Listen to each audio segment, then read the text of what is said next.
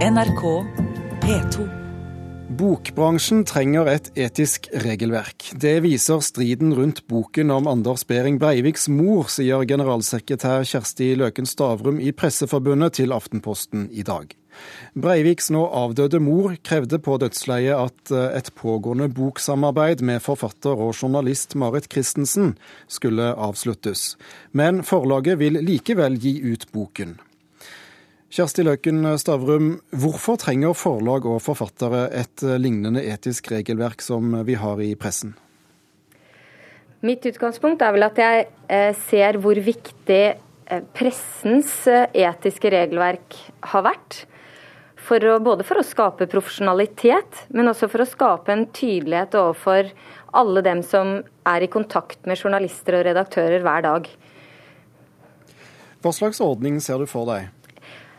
Altså jeg, jeg, tenker at uh, forleggere skal gjøre akkurat sånn som de vil. Men jeg, jeg tenker samtidig at det er en god ting å, å, gjøre seg noen tanker rundt hva man gjør når man skriver om andres liv.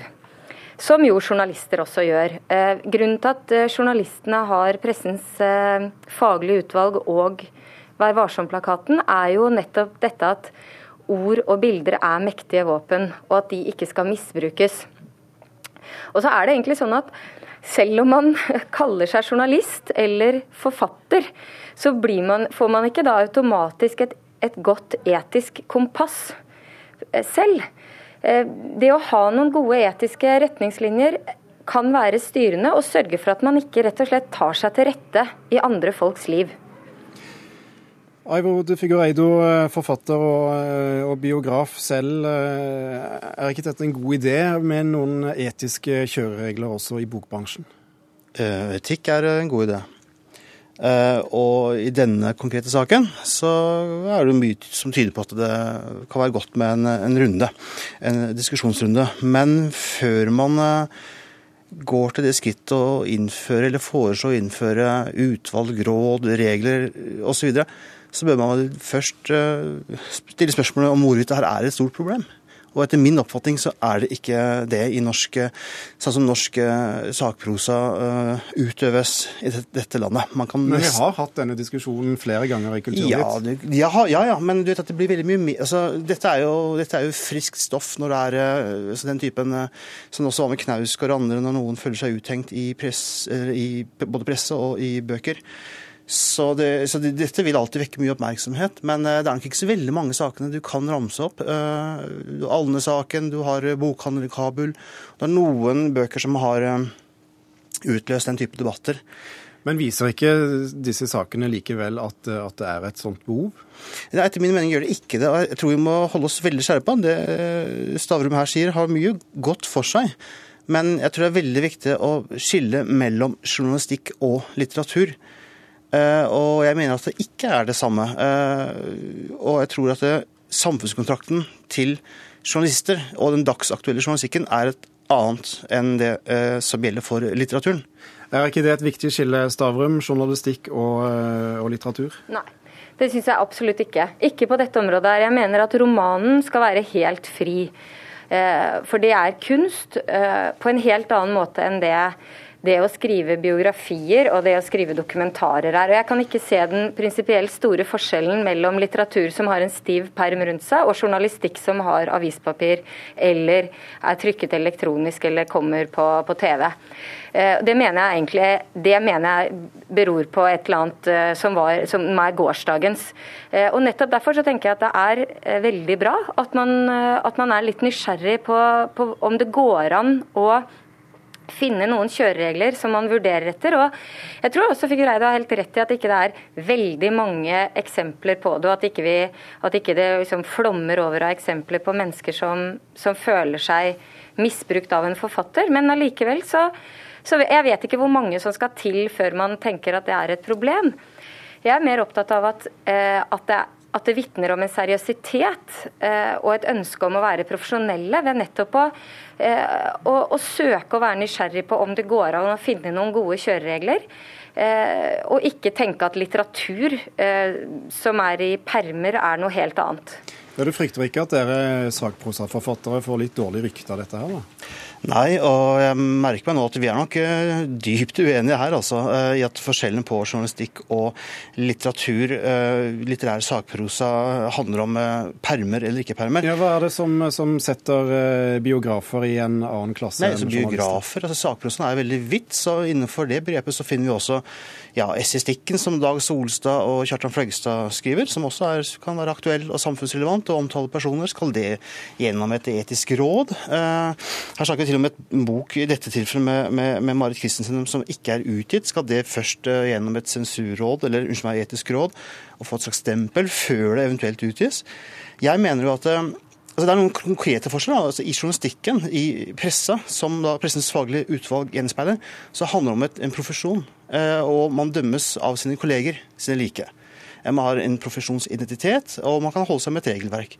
Forfattere er frie og uensarta eh, mennesker. Eh, jeg vet ikke hvem som er mine like, som skulle vurdert mine eh, biografier. En etikkprofessor fra universitetet. Jeg tror egentlig ikke det. nei. Har du forslag til hvem som bør uh, vurdere bøkene, Stavrum? Nei. Uh, nei, det har jeg ikke. Og jeg har heller ikke noen klare tanker om at man skulle kopiert en modell sånn som pressen har. fordi det, det, tror jeg det er mange grunner til at det vil være vanskelig å gjøre. Men, men jeg mener likevel at forfattere har en like stor forpliktelse til ikke å ta seg til rette i andre menneskers liv som journalister eh, også har. Eh, og Det er det jeg er opptatt av. at Sånn som det er nå, så er det en mye større risiko forbundet med å treffe på en som ønsker å kalle seg forfatter, enn en som er journalist. Eh, og Paradokset er jo rett og slett at du kan gi ut noe i bokform som, eh, som står der på nærmest sånn til evig tid. Mens det samme teksten ville blitt eh, felt innenfor Vær varsom-plakaten og Pressens faglige utvalg, og ville kanskje heller ikke blitt publisert i en avis. I dette konkrete eksempelet så, så, gjelder det da en avdød person, og dens nærmeste familie sitter i fengsel. Hvem kan ta denne kampen mot forlaget da? Ja, Det vet vi jo. Vi har jo et rettsapparat. Eh, og ut fra hva Stavrum nå sier, så har hun jo helt rett hvis man ser på biografer utelukkende som graverøvere.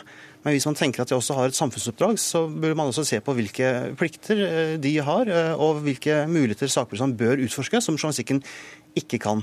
Eh, så vi har, altså, vi har altså strenge regler i Norge. Vi har, I Arkivverket så har vi klausulering av sensitivt materiale. Vi har en, en injurielovgivning, og vi har uh, mange muligheter for å ta dette innenfor det eksisterende lovverket. Og det kan jo disse advokatene som nå uh, truer med sak, det kan jo gjøre. Og det kan jo bli interessant, for det er jo mye rart ved denne saken her, sånn som det er framstilt i mediene.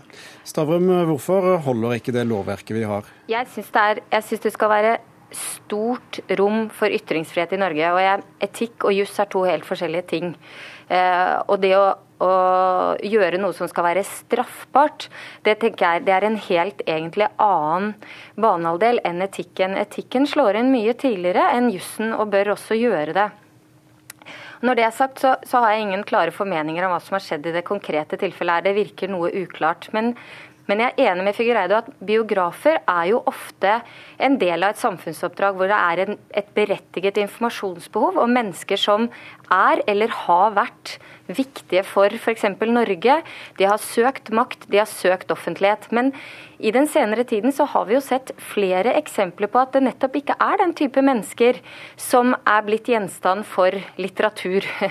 Eh, nemlig mennesker som aldri har søkt offentlighet eller har bedt om eh, å å, å, få tillit eller, eller, makt overført til seg. Det er rett og slett helt vanlige mennesker.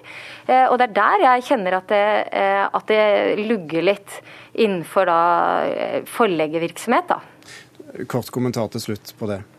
Ja, nei, eh, Enhver som påberoper seg samfunn, et samfunnsoppdrag, eh, plikter jo også å, å, å gjøre seg fortjent til det. Så, men jeg mener da at eh, den offentligheten vi har, er tilstrekkelig for å, å sette rammer for den ytringsfriheten som forfattere og forleggere bør ha.